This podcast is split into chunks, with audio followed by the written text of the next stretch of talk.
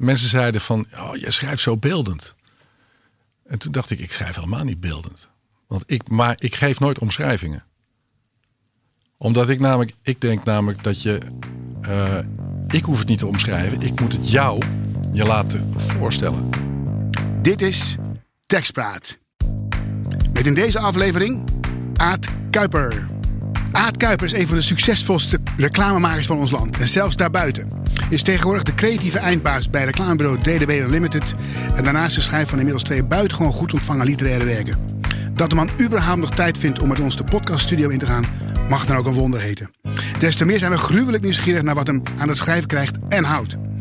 Dit creatieve multitalent gaat het ons allemaal uit de doeken doen. Luister alle naar Aad Kuiper. Hallo.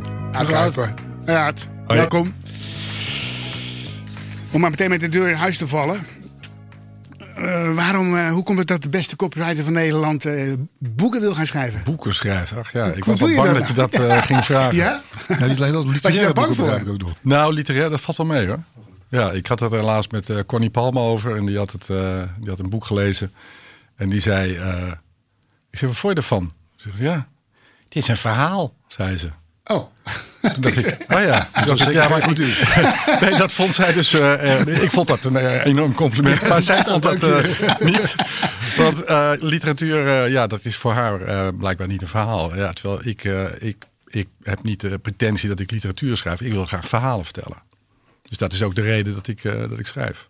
Ja. Maar, we hebben het helaas niet gelezen. Dat geef ik gewoon zo toe te mijn schande. Maar waar Geeft niet, het, waar gaat het nog. over? Het, meest recente. Hoe Ik heb twee boeken geschreven. Eén is eh, over het leven van een oom van mij. Een eh, ehm, priester, student, straatarm uit Schagen... die eh, in Rome komt te werken voor de paus.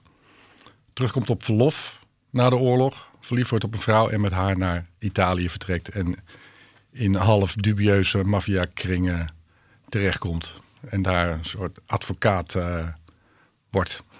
Eh, bijna helemaal waar gebeurd. Ik wil het zeggen, ja, Oh, ja? ja. Loopt het goed af? Het loopt goed af, maar het is, eh, ik, ik zal geen spoilers geven. Nee, het, is, het heeft wel een heel, het heeft een heel filmisch einde. Tenminste, zo wordt het door mensen omschreven. Ja, ik moet zeggen, ik, ik, ik, ik, heb, ik, heb, ik, ben, ik schrijf dus ook veel. Maar ik heb nooit de wens gehad om een, een boek te schrijven. En dat vind ik eigenlijk heel erg. Ja. Hoe, kwam- hoe kwam dat bij jou? Eh, omdat ik, ehm, eh, omdat ik eigenlijk natuurlijk, eh, zoals wij allemaal, naarmate je ouder wordt, ga je meer op zoek naar wa- waarom doe ik de dingen eigenlijk zo zoals ik ze doe. En waarom gaat het zo vaak gruwelijk mis? En dan ga je op zoek naar, ja, waar, waar komt het dan vandaan? En ik had, ik had altijd een fascinatie voor die oom.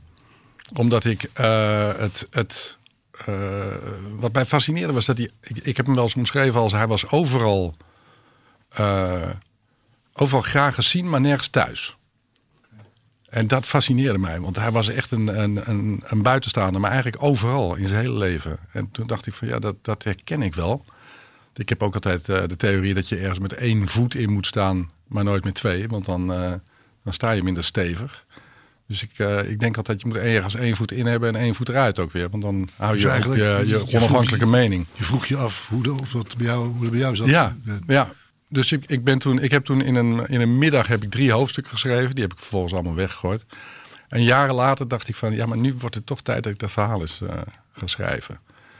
En de reden dat ik daar eerder niet klaar voor was, is denk ik toch omdat ik eh, daarvoor wilde ik nog literatuur bedrijven. En ik las die hoofdstukken terug en ik dacht, jezus, wat is dit vreselijk zeg. Wat is deze man bezig om, eh, Oh, om te laten zien Oh, hoe ja? goed hij kan schrijven. Oh, dat ken ik. Dat is echt verschrikkelijk is dat. Ja. Oh ja, had jij jij er ook wel eens van, Jan? Nee, maar nee, dat, dat twee woorden al. Dat is Oh, gewoon, oké. eh, Ja. dit is, het is heel moeilijk om je eigen literair bedoelde werk te zien. Ja, dat ja, is het. ja.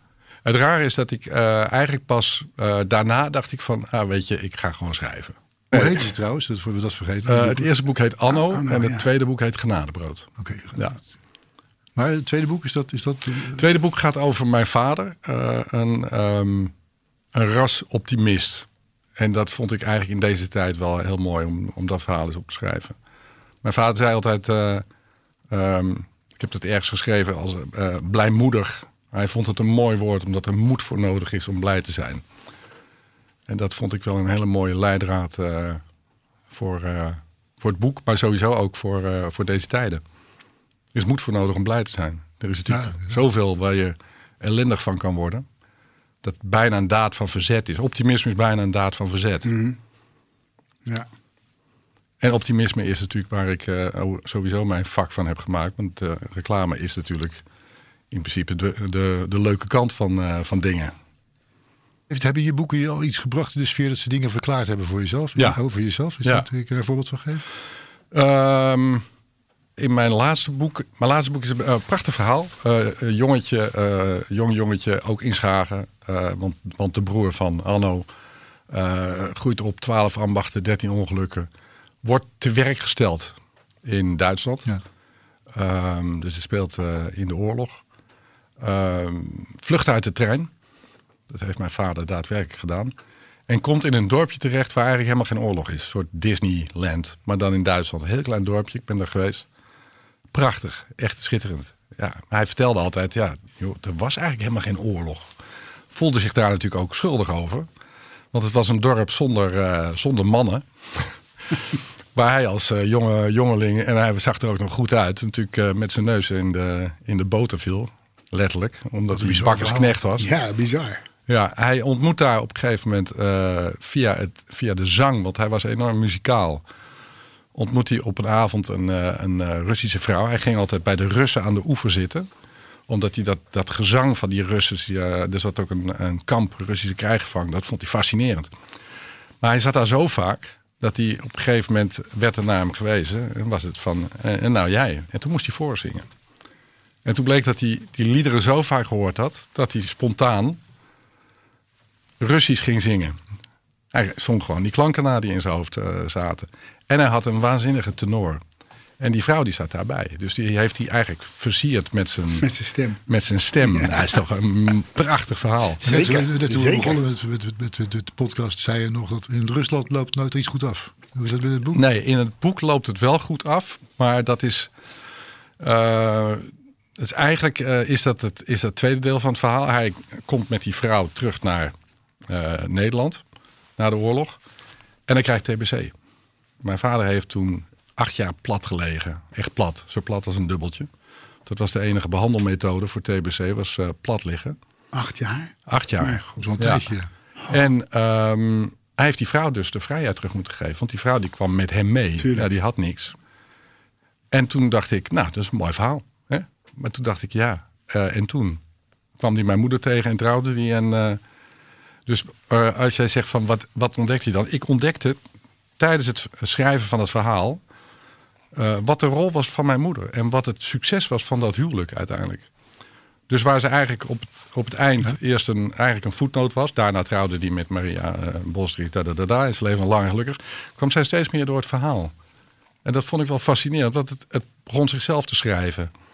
Mijn moeder was namelijk eh, eh, lerares. Dus hij deed daar eh, een, een eh, diploma Duits probeerde hij te halen. En eh, Nederlands, middelbare school. Want hij had vier jaar lagere school en verder nooit, verder nooit gekomen. En ehm, tijdens het schrijven dacht ik, wacht eens even. Waarom is dat toch zo'n succesvol huwelijk geworden? En toen hoorde ik dat mijn vader, tegen de tijd dat hij ontslagen werd, toen had hij haar al een keer gevraagd van als ik nou straks uit het ziekenhuis kom, zou u dan met mij willen eh, ja, eh, een kopje koffie willen drinken? Nee, nee, zo snel was je niet. Het was een vrij verlegen Niet jongen. vooruit, sorry. Ja, ja. Ja, spannend hè? Eh, en toen, toen had hij looples. En toen zei mijn moeder, ja, die had inmiddels onder dat, hij had dat op een proefwerk geschreven. Zou- Gaarne zou ik u na mijn, na mijn wetenschap ooit verder willen ontmoeten. Leer- beter willen leren kennen. Mijn moeder had eronder geschreven, daar kan niets van komen. Want mijn moeder was nogal een pinnig ex-non, Ook nog. Ja. mind you. Ehm, maar mijn vader die kreeg looples en die stond op een gegeven moment in de lift met zijn krukken. En mijn moeder stapte in die lift om naar een andere etage te gaan, om daar les te geven in Heliomare. En ze zei, ja, ja joh, dat was zo, zo grappig. Ik herkende hem niet eens. Ik had mijn bril niet op. Ja, die, die droeg ik eigenlijk niet, want ze was een beetje ijdel. En toen zag ik dat voor me en toen dacht ik, en dat had ik mijn vader al een keer laten zeggen, de lammen en de blinden Ja, ja. dacht ik, het succes van dat huwelijk was dat hij. Dat, het waren twee, twee gekwetste mensen. die eigenlijk een soort compassievolle liefde hadden. hadden. En samen toen dacht compleet. ik, dat is een mooi verhaal. Ja, dat is dat is eigenlijk veel mooi. mooier. Ja, zeker. Dus dat is het toen geworden. Ja, en, eh, Geef je dit een soort bevrediging die copywriting doodgegeven heeft? Of sla, ben ik nou bij een beurt weer iets romantisch aan het zeggen? Nee hoor, nee, nee. nee. Ik, eh, copywriting vind ik, eh, vind ik heel bevredigend. Maar het is op een gegeven moment, het, is, het, het, voelt als een heel klein canvasje. Weet je? Het is toch maar, het is, maar het, het is een heel klein vakje wat je mag inkleuren. En op een gegeven moment, eh, eh, als je dat vaak gedaan hebt, dan wil je toch een keer eh, je vleugels uitslaan. Dan, doek. Ja, dan wil je wat groter. Dan wil je een groot doek, een groot canvas. En dat is een boek. Of een film misschien wel. Of een film. serie. Ben ik ook mee bezig. Dat dacht ik al. ja, Ja, het is een geheim project, maar eh, ik ben nu zeven afleveringen aan het schrijven van een serie. van een serie. Ja, Ja, precies. ja. Wauw. En wil je nog wat terug? Of, moeten die je, je, je, je, je- Ik vind allebei leuk. Maar Ja. je doet allebei natuurlijk. Ja, ik doe Je ook allebei. En ik blijf eh, ook altijd allebei doen. Ik, ik vind het namelijk eh, het, het, het voordeel van, van eh, reclame is dat je hele kleine probleempjes krijgt. Ja. Eigenlijk cryptogrammetjes. Hè, die mag je oplossen. En ik vind het een voorrecht dat ik als ik naar mijn werk ga denk, nou ben benieuwd waar ik vandaag weer eens over na mag denken. En dat is altijd leuk. En met een boek is het juist heel fijn dat je ook af en toe even, even eruit kan. Want zo'n boek is een wereld, daar kan je totaal in verdwijnen. Hoe lang doe je over een, hoe, lang heb je gedaan over, die, over je Een boeken? jaar. Allebei een jaar? Ja, Ja, ja denk ik wel. Ja. Maar dan ben je gewoon, dan ben je dag Dus en na nacht jaar was met het, dat. na een jaar was het klaar, zeg maar. Ja. Maar tussendoor heb je gewoon gewerkt. Ja. Ja, ja, precies. ja, ik schreef het eh, als de kamerdeur dicht was, dan wist iedereen. Ja? eh, ja, dat schrijven is. ik had mijn eigen bureau, dus eh, ach, Dat scheelt. dat mocht. Een stukje terug, ik weet het al nog niet. Ja. Hoe ben je überhaupt op het idee gekomen om copywriting te gaan doen ooit? Ehm, Toen hebben we al iemand gehad die Ja, wij zijn bijna Ja. gelijktijdig begonnen Ja. bij DDB. Waar jij trouwens nu weer de creatief directeur bent. ja, ja. En wij hebben daar echt ons vak geleerd daar. Dat is echt, eh mister. Jij, hebt- jij, jij hebt Frans gestudeerd, toch? Ik had eh, Frans gestudeerd. Ik ben toen eh, toneelschool gaan doen. Werd ik eh, jammerlijk afgewezen. Maar toen zeiden ze wel, je, je moest een tekst inleveren. Ze zeiden, je moet gaan schrijven. Maar dat wilde ik niet. Ik wilde, ik wilde per se eh, gaan acteren. Toen ben ik uit lamlendigheid ben ik maar ja, eh, typecursussen gaan verkopen. Oh ja. Na mijn studie, omdat ik eindelijk gewoon mijn eigen geld wilde verdienen. Ik, ik was altijd al afhankelijk van mijn ouders. En dat, eh, dat kwam mij een beetje, eh, een beetje de strot uit. Eh, daar heb ik trouwens wel alles geleerd. Als je nou echt een vooropleiding voor, voor, voor, reclame? commercieel schrijft, Ja, ja. Voor, voor reclame, Ja? directe verkoop. Ja, leer je alles over de, psychologie van mensen. Over hoe je situatie aanpakt, hoe je moet overtuigen, hoe je, hoe je soms helemaal niks moet doen. Dat vond ik fenomenaal. Tijdens die typecursus eh, kwam ik een eh, collega tegen. Die zei, ja, jij bent altijd zo eh, grappen aan het maken. En zo, eh, in de, je wil altijd in de belangstelling staan. Eh, jij, moet gaan, eh, jij moet in de reclame, zei hij. In de reclame kan je tekst schrijven. Had ik nog nooit van gehoord. Ik kom uit een eh, links PPR-milieu. dus eh, ja, dat was dat- reclame het hele woord. bedrijfsleven dat bestond niet. Nee. Dat, eh, je kon arts worden of eh, verpleger, onderwijzer. En dat was het dan een beetje. Eerste reclameman die ik tegenkwam, überhaupt mijn eerste stap in de reclame, was bij DDB. Wat een soort, ja, daar ontmoette ik Paul Meijer. Ja, als je nou echt Iets. eh, meteen wil weten waar Het reclame over diepste van gaat, de diepste wil gegooid dan moet je. Paul Meijer tegenkomen. ik dacht, dit is niet serieus. Dit, Nee, is, dit is geen bedrijf. slapstick. En dat vond ik ook meteen leuk eraan. En eh, tot wie mag ik jouw grootste leermeester rekenen in de reclame? Qua schrijven dan, hè? Eh, Qua schrijven. Qua schrijven, eh, schrijven. ja, toch wel Frank Pels. Frank Pels, die naam, die, die, die rinkelde belletje. Wat was zo bijzonder aan hem altijd? Ja, geweldig tekstschrijver. Echt fenomenaal schrijver. Als je, daar, eh, als je die bureaucampagne leest van eh, PPG in die Ja. tijd, dat was echt spectaculair. Dat was zo goed, zo grappig, zo... De long reads. Ja, Ja. Ja. ja, zeker. ja, Man, het was een gigantische veelschrijver. Schreef in een tempo werken, nou niet normaal. ja. Echt. Ongelooflijk. Maar ook, Echt. ook, Maar gewoon eh, ook alle pen, gevleugelde hè? zinnetjes. Hè. Dan verkoop je toch gewoon de boot en dat soort dingen. precies. Allemaal Frank Pels. Ja. Ja, dat is echt... of Sterk Spullen, dat is Fisherman's Friend. Friend, Frank precies. Pels. ja. Nu er toch middenin zit. Wat moet je kunnen om zo, zo goed te zijn? Wat, wat, wat, wat, wat, wat, wat is dat voor iets? Is dat speelse geest? Is het eh, keihard werken? Hoe, Ik denk eh, een combinatie. Ik denk dat je speelse geest moet hebben. Je moet keihard kunnen werken. Maar je moet met name ook heel logisch kunnen denken. Tenminste, dat vind ik. Leg uit. Nou ja, mensen zeggen altijd, ik bedoel, eh fruitjoy. Een ijsje met, eh, met een paar kleurtjes. Rood, en kijk je, oh, zit ook rood in en groen. hey, stoplicht. Nou, dan is de sprong zo gemaakt naar een familie in een auto die voor een stoplicht staat. En eh, het jongetje komt aan bij, bij het groen en zegt, Het is groen. Het is groen. Dus associatief. eh, Het is associatief. Heb je nooit, dat, tenminste, dat denk ik altijd, ja, mensen die dat kunnen, snappen het. En mensen die het kunnen, leren het ook nooit. Nee, dat het zo, klopt. of, eh, Dat klopt. Wat, wat, er zijn nog meer eh, requisieten voor, eh, voor goed copywriting. Ehm, Geef eens een cursus. Nou, je moet het beeldend kunnen maken. Ik denk dat dat het allerbelangrijkste is. En dat is heel grappig, want daar kwam ik in mijn eh, boeken schrijven, kwam ik daarachter dat mensen zeiden van, oh, je schrijft zo beeldend. En toen dacht ik, ik schrijf helemaal niet beeldend. Want ik, maar ik geef nooit omschrijvingen. Omdat ik namelijk, ik denk namelijk dat je, eh, ik hoef het niet te omschrijven, ik moet het jou je laten voorstellen. En dat, doe je, dat gaat heel anders dan dat ik het ga omschrijven. Als ik zeg die deur was grijs en kwam binnen in de kamer en de kleine wandjes. En dit. Nee, ik, hij, kan- hij, hij kan ergens binnenkomen en, en, en je kan met twee hele kleine zinnetjes kan je aangeven dat het een, dat het een plek is beklemmende plek dat, is. ja. Of, eh, ik heb het heel vaak aan collega's uitgelegd. Ik zeg, je moet het niet zo. Die, die scripts moeten veel korter. Een script is maximaal een A4'tje. En dan niet, nog niet eens voorgeschreven, volgeschreven. En dat heeft ermee te maken dat als ik, als ik schrijf, we zien een mooie vrouw op de fiets.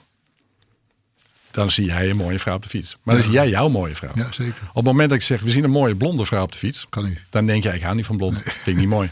Hoe minder je geeft, hoe beeldender het wordt. Dat is heel raar eigenlijk.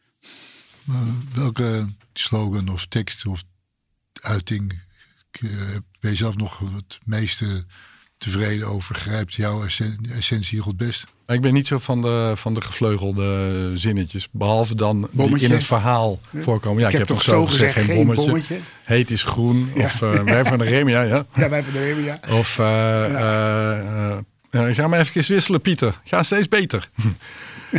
maar ik, ik ben eigenlijk meer van een verhaal waar, waar, de, waar de tekst een soort een hele logische plek heeft. Dus het hoeft, ik ben niet erop uit om eh, alleen maar één zinnetje in het hoofd te krijgen. En ga je, eh, wanneer ga je je derde boek beginnen? Eh, Hij is niet met een serie, tv-serie serie bezig. Ik Ik moet je zeggen, dat, dat vind ik, weten. hoor. dat vind ik misschien nog wel leuker. Een serie schrijven, ja? Ja, omdat het nog moeilijker is. Omdat je, eh, wat je met een boek al hebt, is dat, je, eh, dat het een enorme puzzel is in je hoofd. Maar met een serie moet je het ook nog, je moet het ook nog, je vertelt het aan mensen die eigenlijk niet weten wat jij weet. In een boek kan je heel veel informatie kwijt. In een serie kan je natuurlijk veel minder informatie kwijt. Dus ik word er heel vaak, eh, eh, heel vaak op gewezen van ja, dat, dat zeg jij, maar dat weet de, de kijker weet dat niet. Nee. Dus dat moet je dan allemaal. Je moet alles zaaien en je moet alles opkweken en je moet alles uiteindelijk Nou, alles oogsten. vaker dat, dat, dat, dat dan gevonden wordt dat je dat in series uitgelegd wordt. Ja, Ze moeten dan tien jaar overbruggen. Dan krijgt iemand een monoloog van anderhalf uur. Ja. En om dat even uit te leggen. ja wat dat ook is vreselijk. te- Dat is vreselijk. Dat moet je altijd vermijden. Je moet eigenlijk proberen om zoveel mogelijk tekst te vermijden. Wordt, jouw, wordt jouw boek nog gefilmd? Dat, is dat, is dat iets dat een... Eh, eh, ja, Genadebrood is- bijvoorbeeld. Ja, ik, eh, ik, ik hoop het ja, ik hoop, ooit. ja, ja, ja, precies. Want het, is, eh, het zijn beide, beide boeken zijn echt wel zeer, eh, zeer goed, Filmische goed te verfilmen. Ja, het is heel precies. filmisch. Ja, ja, ja. Ja. Nou, ik moet zeggen, het, het zit je ook niet tegen als je twee ouders met dat soort eh, familie hebt. eh, die- Nee, hè? Nee, dat is wel God, een een mazzel, goede hè? bron. Ja, Ja, ja. ja. Twee doodzaaie ouders. Allemaal gelukkig. Ja, zo- nou, ja, ja, ja, nu niet Nee, zo. Dan ben ik ik Ik, altijd gezegd, ik, ik, ik ben altijd gezegd, ik, ik zou best een boek willen schrijven zodra ik weet waar het over moet gaan. Ja. Dat, is, dat, dat vind ik het aller, allermoeilijkste. En ik vind het heel dapper ook dat je dat doet. Want het is een. Ja, het is heel grappig, want mijn, mijn dochter die, eh, die, eh, die zit nu, eh, doet London eh, Film eh, School. Ja. En die kan heel goed schrijven. En ik heb wel eens, toen was ze 16, toen zei ik tegen je moet meer schrijven. Toen zei ze, ja, ja dat, dat, dat wil ik wel, pap, maar ik, ik heb nog niks, te, nog niks te vertellen. ja. Ik heb nog niet geleefd, zei ze. Ja. Wat is de doelgroep van de, die, die nu zitten te luisteren? We hopen dat mensen die het schrijven leuk vinden. Dus eh, eh, het Goed. gaat over schrijven in Ja. alle facetten. Ja, ja, klopt. Oké. Nou, dan heb ik wel een tip. En? Probeer niet te imponeren. Zolang je het gevoel hebt dat er iemand over je schouder meekijkt, moet je eigenlijk die pen neerleggen. Of die, of die, eh, die tekstverwerker even opzij eh, schuiven. Je kan echt pas schrijven als je het helemaal vanuit jezelf eh, schrijft. Als je denkt, dit wil ik vertellen. Als je, als je het over een boek hebt, bedoel je? Over een boek, maar ik denk ook, ook commerciële teksten. Als ik commercial maak voor Calvé Pindakaas met Lieke, hè, u zei jongens, Ja. dan eet ik alleen maar Calvé Pindakaas. En dan is dat ook de lekkerste pindakaas ter wereld. Moet je voelen. Mijn, moet je- mijn vrouw die lacht zich altijd rot. Die Ja, zegt, dat eh, want is- ja, we zijn nu bezig voor een, eh, voor een vaatwasmiddel. Ja, dan staat er natuurlijk alleen dat vaatwasmiddel. Ja. Ja. daar moet ze het dan mee doen. Er is nooit zoiets van, uh, luister eens eventjes, dit, dit, dit, hier krijg, krijg ik niks meer schoon. Dus Ja, stel je voor, dat, als het nou echt een waardeloos product is, bedoel, dan, Dan kan ik het niet. Dan kun je het niet ook. Nee. Nee. Reclame heeft ook vaak de neiging om niet alleen te overdrijven, maar om zelfs te gaan liegen. Ja, dat Er wordt heel veel gelogen ook in, eh, in, in, in Ja, reclames. nooit begrepen. Het is echt verschrikkelijk. Nou ja, als je gewoon, niks te melden hebt wat verkoopbaar is, dat is een probleempje natuurlijk. Ja, maar ja, liegen is natuurlijk voor de talentlozen. Mooi. Ja, nee, maar en, en ik denk, ja, ik ben, een, ik ben een positief ingesteld mens. Ik ben altijd op zoek naar schoonheid. hey, en, eh, maar jij hebt ook een hele tijd in Frankrijk gewerkt, hè? Ja. Toch? Ja. Ook in de reclame. Een Ja. aantal jaar in, eh, bij Lower in Parijs eh, gewerkt. Dat vond ik heel erg leuk. Is het, was het heel anders dan in Nederland? Ja, en dat vond ik ook meteen het, het mooie eraan. Ehm, je wordt uit je eigen cultuur gehaald. Dus je komt in een andere cultuur terecht waar, waar dingen anders werken. Voor creatief is dat heel erg goed. Omdat je, het dwingt je namelijk om niet op het cultuur... Want die andere cultuur, die, die, die heb jij niet. Nee. Weet je, de finesse daarvan, die snap je niet. Dus het dwingt je om een laagje dieper te gaan. Oh ja. Oké, maar wat is dan de insight van dit product of van deze, van deze bank? Of, dus je moet eigenlijk je moet dieper naar, naar, naar andere motivaties. Je zag daar trouwens ook, eh, als het over schrijven gaat, wat daar met taal gebeurt in Frankrijk. In Frankrijk heb je natuurlijk de officiële taal.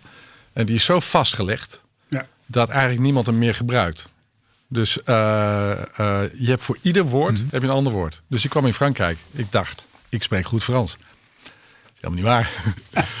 Want eh jeter, nee, dat gebruik je niet meer. Je zegt balancer. Eh, de l'eau, nee, la flotte. Echt waar? Ja. Jezus. Je te chope au coin. Kun je trouwens Ik een beetje, op op de een hoek. beetje overweg met het Nederlands eigenlijk? Is dat een beetje lekkere taal voor copywriting? Eh, ja, ik vind van wel. Ik vind Nederlands een prachtige taal. En een rijke taal. Ja. Daar kom je achter op het moment dat je, dat je synoniemen gaat zoeken. En er zijn er in, een, in het Nederlands zijn mega veel, gigantisch veel synoniemen. Terwijl in andere talen is dat toch wat, eh, is dat wat minder rijk. Want je hoort Ja. zo even uit dat, dat de Nederlands een beetje een stugge taal wordt ervaren. Een beetje ouderwets, een beetje eh, obligaat. Nee? Nee, ik vind Nederlands schitterend. Word je nog wel eens een beetje blij van jezelf als jij ineens iets heel leuks opschrijft? Ja. Heel lekker opschrijft. Je er- Ja. Ik kan me voorstellen. Ik, ah, Als je denkt, ja, kijk, dat heb ik goed Ik heb opgeschreven. week verzonnen vandaag. Ja. Weet je, toch? Ja. Moet je nooit afleren, denk ik, of wel? Ik heb in die, in, die, in die serie waar ik nu mee bezig ben, eh, leert iemand verkopen. Daar heb ik natuurlijk al mijn ervaring van de typecursus in verwerkt. En op een gegeven moment eh eh, legt zijn mentor, zeg maar, een wat, wat oudere man, die legt hem uit. Weet je, oh, ik wist niet dat we daar verkocht werden, zegt hij. En die mentor die zegt, ja, nee, maar dat komt hij nooit achter. De man is een snop. en dan legt hij uit, eh, weet je, eh, eh, fear, greed. je, moet, ah, je moet altijd naar de zwakke plek zoeken. We hebben er allemaal een. En dan zegt die andere, die, die jonge jongen, die zegt... ik denk dat ik ze allemaal heb. en dan zegt die oude baas, die zegt... daarom, daarom word je zo'n goede sale- salesman. That's why you'll make such a great salesman. En dan denk ik, dat is eh, echt... eh, dan ben ik echt heel blij. Ja, ja, Dan ja. denk ik, ja, kijk, heb ik eh, toch de essentie van, van iets eh, leuk onder woorden gebracht. Ja, mooi. Schrijven is toch wel meer dan alleen maar woordjes achter elkaar rijgen. hè? Schrijven is het mooiste dat er is. Ik probeer altijd te schrijven als een lezer. Ik begin ergens en dan denk ik op een gegeven moment... Poeh, dat was heftig. Nou, en dan nu even iets heel anders. Ja.